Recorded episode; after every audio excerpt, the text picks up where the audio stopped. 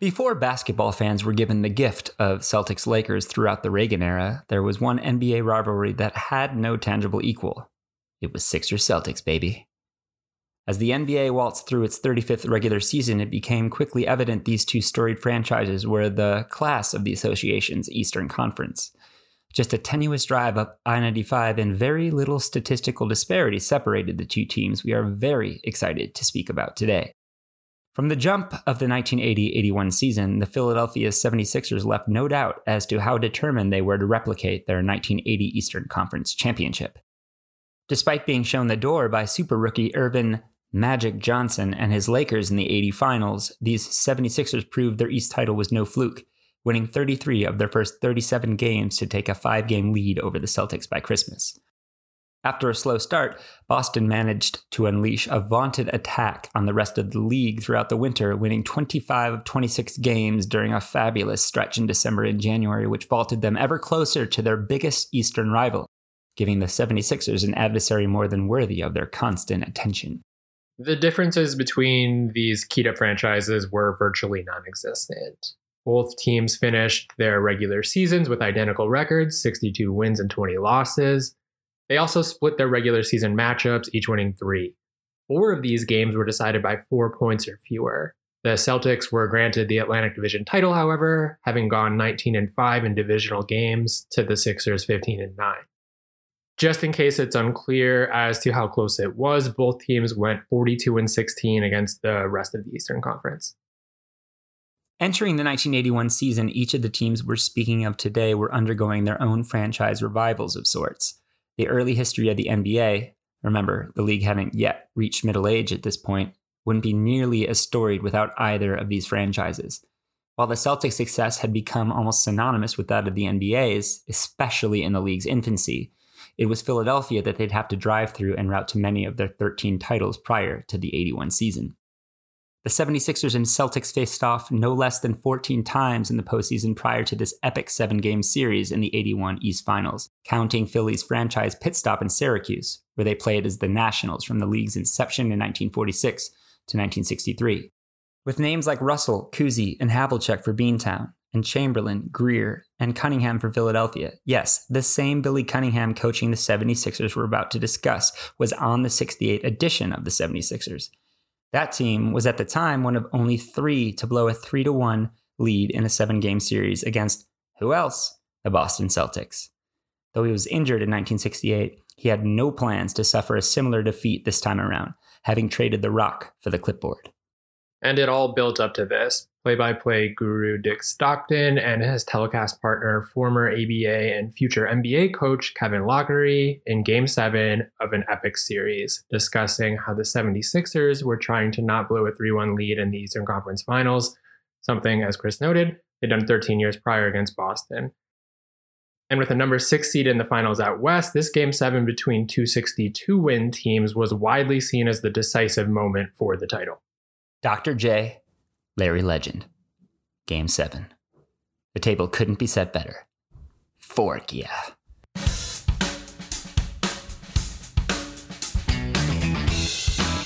I'm Chris DeSalvo. Oh, and I want to correct, I've been calling Ford Phil. It's Chris. Apology accepted for all misrepresented Chris's of the world. And I'm Kevin Chroust. You know something? We enjoy you being here for CBS, Kevin. Oh, why thank you, 38 year old Dick Stockton. This is episode six of the Box Score Show, a podcast created by The Analyst. We're discussing one remarkable box score each week with all sorts of info about its statistical and cultural relevance then and now. In terms of games, we try not to be too obvious with the box scores we choose. And in terms of stats, nothing too advanced. Rather, we'll stick to the stats we all grew up understanding in box scores. After listening, check out The Analyst, where we're producing plenty of other data driven sports storytelling. That is at theanalyst.com. Welcome to the Box Score Show. Episode 6 No Tomorrow Energy. And if you're scoring at home, well, Good luck, because this is a track meet. and if there's one moment to make sure you get right, it is 105 to go. Larry Bird pulls up. Chris, this has got to be the least impressive box score we've done on the show. No one scores more than 23 points. Neither team shoots well. Why are we taking up a half an hour of people's time to talk about it? Kevin Chroust, the walk-in hot take. Decadent point as always, Kevin. Well, there's something to be said about a one point game seven, regardless of how well anyone shoots, and we never promised they'd all be good box scores. Speaking of errant shooting and shot selection in general, you don't need to watch this game to understand the NBA was in an entirely different place at this time. While today's ballers tend to hover outside the arc awaiting a swing pass to launch a three, the game of this era found itself pasted to the paint. The court is bumper to bumper traffic within 10 feet of the rim. The following stat, I hope you're sitting down, because it's nuts, given the modern NBA's migration from the paint to the logo, is stunning. There were only two three point shots attempted in this entire game, a game that included future NBA three point champion and all around good guy, Larry Joe Bird. The NBA had rolled the dice a season prior, adding a three point line to the floor, and neither of these teams were really buying into this gimmick that was being treated much like Major League Baseball had done with the designated hitter. Well, the gimmick has now become the flagship product of the NBA. 40 years ago, it was an entirely different story. The 76ers attempted only 84 threes in 82 regular season games this season. For context here, let's remember Steph Curry, you've probably heard of him, just set the NBA record for three pointers made in one month, hitting 96 for his Warriors. Back in 81, the Celtics attempted 241 all season, and that was good for third most in the league. Laughably, just 35 more attempts than Curry needed to set his record in April of 2021. But uh, there's a lot more context here to fully appreciate what happened, so let's do a rundown of the series before we get to game seven. Down the stretch of the regular season, the gap between Philadelphia and Boston was razor thin. In the season's final two weeks, the division lead changed hands no less than four times, with neither team pulling ahead by more than one game. The Sixers and Celts would square off on a final Sunday in Boston, a showdown for the division crown. Though Philadelphia came in with a one game lead in the Atlantic Division standings, the Celtics had the tiebreak advantage, so the winner would take the division. The game wound up being nearly as close as their season long tussle, with Boston taking control early and often, eventually holding off a late Philadelphia charge to win 98 94. So, as we noted, the teams had finished tied in overall records 62 and 20, and this, of course, was one of those four regular season games within four points. So, to recap, Celtics win the division because they had a four game lead in divisional games. The significance of Boston's winning the division cannot be overstated. When the teams reconvened 23 days later for their Eastern Conference Finals matchup, the Celtics had played only four playoff games, sweeping the Chicago Bulls, while the 76ers had played nine, eking out a one point Game 7 win over the stingy Milwaukee Bucks after trouncing the upstart ABA defecting Indiana Pacers in a two game miniseries, aka the NBA's first play in series. They would have just one day of rest before beginning the series in Boston, while the Celtics came in following an eight day hiatus, during which Larry Bird most likely consumed anywhere between 8 and 46 beers. We noted one important undertone in the these finals was the assumption by almost all observers that the winner of the series was a lock to win the championship. The Western Conference's top four seeds, including the defending champion Lakers, were eliminated by the second round. And the West Finals matched two teams with sub 500 regular season records in the Houston Rockets and Kansas City Kings. So Philadelphia Boston was the de facto championship series. The rested Celtics had the upper hand early in game one, taking an eight point lead into the second period. But Philadelphia stormed back, riding a 44 16 advantage in bench points. Philadelphia guard Andrew Toney, who was just a rookie, scored a team high 26 points in 31 minutes in a reserve role, and his two late free throws gave Philadelphia a one point victory. In the 80 81 regular season, the Celtics had gone 30 and 1 in home games in which they led after three quarters, and in postseason games between 1980 and 1986, they were just 43 and 3 at venerable Boston Garden when leading after 36 minutes of play. In this game, Philadelphia erased a two point deficit through three quarters to pull out a 105 104 victory, despite Larry Bird matching his number with 33 points, the most he would ever score in a home playoff defeat. Games two and three were relatively drama free, both of them double digit victories for the home teams. Boston led by 19 at half in game two and won by the same margin. Philadelphia turned a 15 point halftime lead in game three into a 10 point victory. The 76ers had a 2 to 1 series edge with one eye popping number Philadelphia's bench had outscored Boston's 147 to 78, a difference of 23 points per game. Quite a gap. Philadelphia came out swinging yet again in game four, building a 17 point halftime advantage and holding Bird without a field goal until the late stages of the second quarter. By the end of the third period, however, the script had flipped and the lead was whittled down to three, setting up a tensely played fourth frame. The Celtics briefly took a one point lead before the 76ers reeled off eight straight points to regain control, only to see a Boston seven point run even the score. Momentum, momentum, momentum. This swung often throughout this series and may have been most evident in this game. In the final seven and a half minutes, the 76ers held Bird without a point and never trailed, but could not extend their lead beyond four points. Bobby Jones, who put the clamps on Bird in the late stages and throughout the series, if we're being honest, made a leaping steal of a pass on the Celtics' last possession to preserve a 107 105 victory for Philadelphia in front of a raucous Spectrum crowd. The Sixers were now one win from the finals, holding a 3 1 series lead heading into Game 5. Now, in Bird's two seasons as a Celtic to that point, the team had suffered only two losing streaks as long as three games one entirely against the 76ers in the previous year's East Finals, and another in January February of 1981 that included a loss in Philly. A Game 5 loss would be another such streak and a second straight year that the 76ers had won the Eastern Conference title in Boston Garden. So now, as Chris said, it's 3 to 1, and history does not look favorably upon Boston at this point. Not even a little bit. In game five, it was yet another first half controlled by the 76ers. A 37 point second quarter, the top figure for either team in any quarter in this series, gave the visitors a 59 49 advantage at the break. The third quarter saw another classic Celtic surge as Boston battled back to take a five point lead, but a subsequent 8 0 Philadelphia run helped the 76ers take an anemic one point lead into the fourth frame. Philadelphia's advantage then swelled to six when Bird turned the ball over with just over 100 seconds to play. The Celtics were in dire straits. Not the band, that'd be way more fun.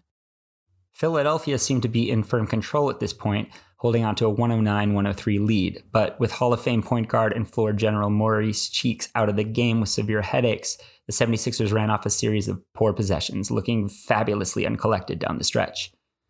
A three point play by Tiny Archibald and a bird drive to the bucket closed the gap to a single point. And on the ensuing Celtics possession, ML Carr rebounded a bird miss and was fouled with just 20 seconds remaining. And we'll pause on ML Carr there for a moment. For the seven game series, Carr averaged all of 5.6 points per game. He played only 10 minutes in game five and did not have a rebound until Bird's missed runner fell into his hands. It wouldn't be his last. Carr made both free throws and grabbed Jones's miss on Philadelphia's next possession.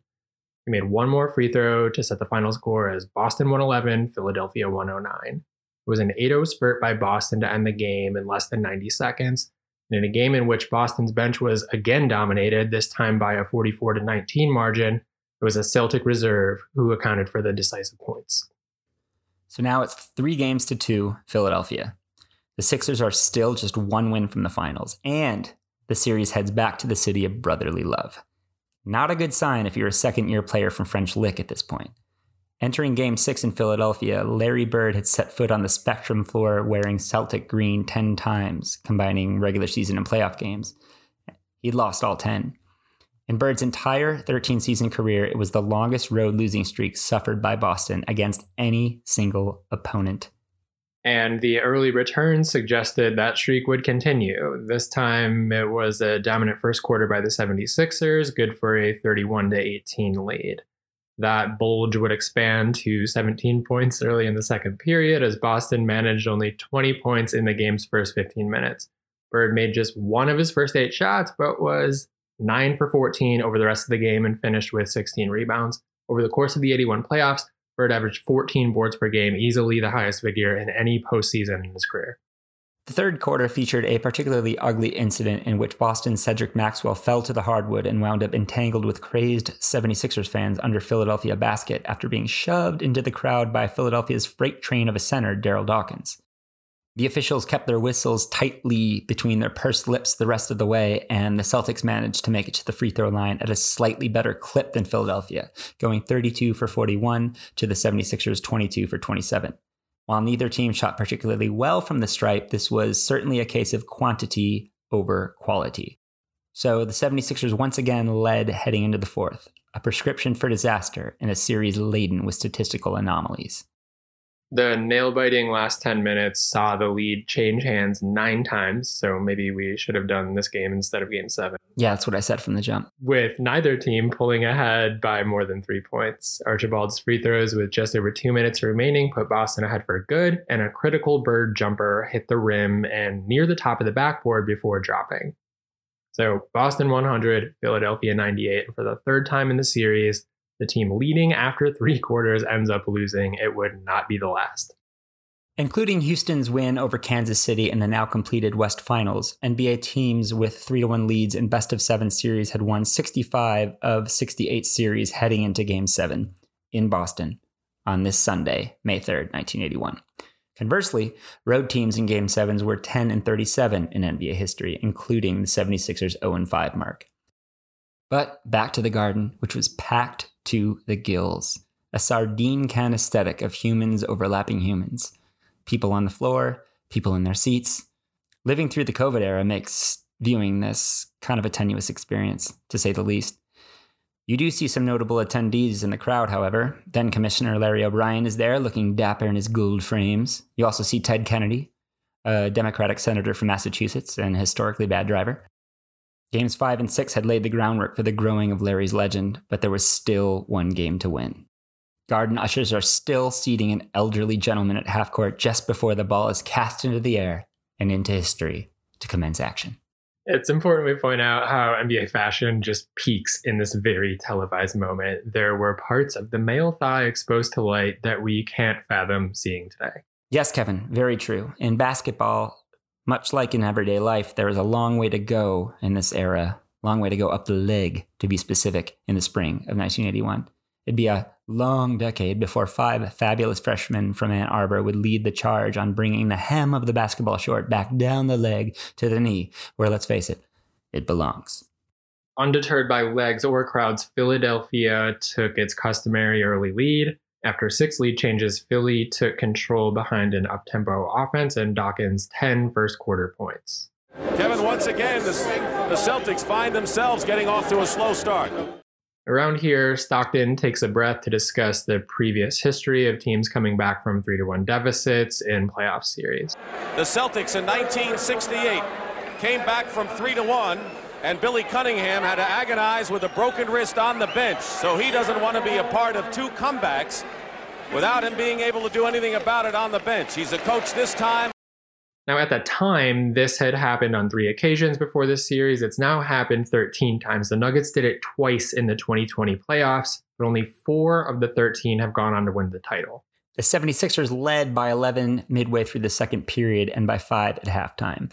For just the fourth time in league history, a team led at halftime in six games in the same playoff series. It's 53 48 at the end of one half of play. And it's interesting to note here that at halftime, Philadelphia was shooting a red hot 63% to Boston's 40%, though they were also only shooting 60% at the line to Boston's 67%. Now, again, this is only a five point lead. So, why is it only a five point lead at 63% to 40%? Well, the offensive glass, for one, Boston had 11 offensive boards to Philly's five, and then turnovers as well. Philly had turned it over 10 times, Boston had turned it over five. The lead hovered around seven points for much of the third quarter and stood at four through the end of the frame. Entering game five, when leading after three quarters, the 76ers had posted a marvelous 41 and 1 record that season, regular and postseasons combined. But after blown leads in game five and six, this lead felt about as secure as Pete Rose's standing with baseball's Hall of Fame committee. So, with the doc on the bench, Boston scored the first six points of the quarter to take a two point lead. The run extended to 8 0, but Philadelphia answered back with a 12 1 spurt to reclaim that lead. When he's back on the floor, Erving followed up his own miss with a layup with just under 5:30 to play. The 76ers now held an 89 to 82 lead, and this would be their last field goal. With 251 remaining, Bird tied the game with two free throws, his first points of the quarter. Only three more points would be scored in the game. What further stirs the pot of chaos here is that as the game's minutes trickle down the stretch of the fourth quarter, we find some delicate contextual irony as the superstars on each team were not to be found tussling under the boards, but sitting on their respective benches. Bird and Erving may have had an early bead on load management. Who knows? I'll have to ask why. At any rate, watching a close Game 7 rage closer to its conclusion without two future Hall of Famers dueling for the East Crown had this guy right here, I'm pointing to myself, you cannot see it because this is a podcast, pulling at his hair despite knowing the outcome of the game and having no vested interest in either team playing on this day. I wasn't able to think for myself yet. I was a baby. And here now is your Larry Legend moment. With just over a minute remaining, Bird grabs a defensive rebound, speeds up court, and pulls up from the left wing. His banked in shot gave Boston a 91 to 89 lead. Chris, did he call the bank? Didn't even need to use a phone, bro. Chris, did he have a mustache? He 100% may have. It was really blonde. I couldn't tell. With 29 ticks showing on the Boston Garden clock, Cheeks was fouled and made only one of two free throws. Had he made both, we perhaps get the OT slash everybody may have wanted, but realistically, given what they've been through, no one could have handled at this point. Boston's last possession took the clock down to one second. The discovery of tenths of seconds was still a few years off by pioneering NBA scientists, and the last ditch pass by Bobby Jones went errant, turning the tables from game four. Boston 91, Philadelphia 90 was the final, and the Boston Garden faithful stormed the court.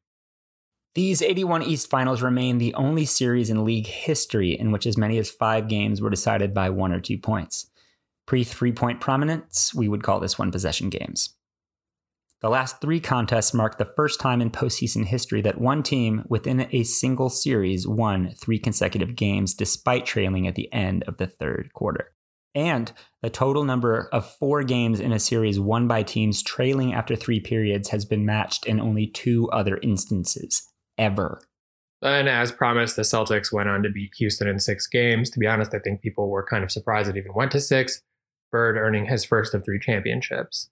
One year later, it was yet another Philly Boston East finals. And while the games in 1982 weren't nearly as dramatic, the series followed the same script through six games as the 76ers dropped game five and six after leading three to one. This time, however, game seven in Boston brought redemption for Philadelphia, a decisive 120 to 106 victory off of the defending champs. The games in the 1981 Eastern Conference Finals were scintillating, and the play by play was handled expertly by CBS's Dick Stockton, who was undoubtedly entering his prime as a mic toting wordsmith. This spring, after more than half a century behind the microphone, Stockton announced his retirement from the industry. He will be missed it really is a treat to listen to. With the frenetic pace of this game, it sounds sometimes like he's on a hockey call rather than a basketball game. And for those of us who watched and listened to Dick Stockton in his 60s and 70s, I would definitely urge you to go back and, and see what he was capable of. As we said, this box score itself is not mesmerizing, quite the opposite. But there are some odd bits to cover. Biggest elephant in the room? No doubt, Boston's shooting. The Celtics shot a paltry 38.2% in this game, despite winning. They won because the 76ers turned it over 22 times and the Celtics grabbed 18 offensive rebounds.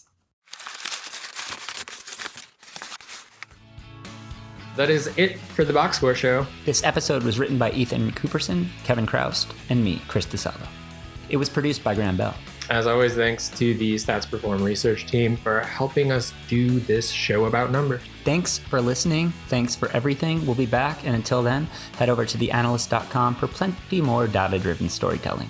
Send your suggestions for box scores you'd like to hear about on the show or read about on the site to editors at theanalyst.com. And please let us know what we overlooked from this box. That was Kevin Chroust, and I'm Chris DeSalvo. For episode 7, a game for our massive Tampa Bay Rays following.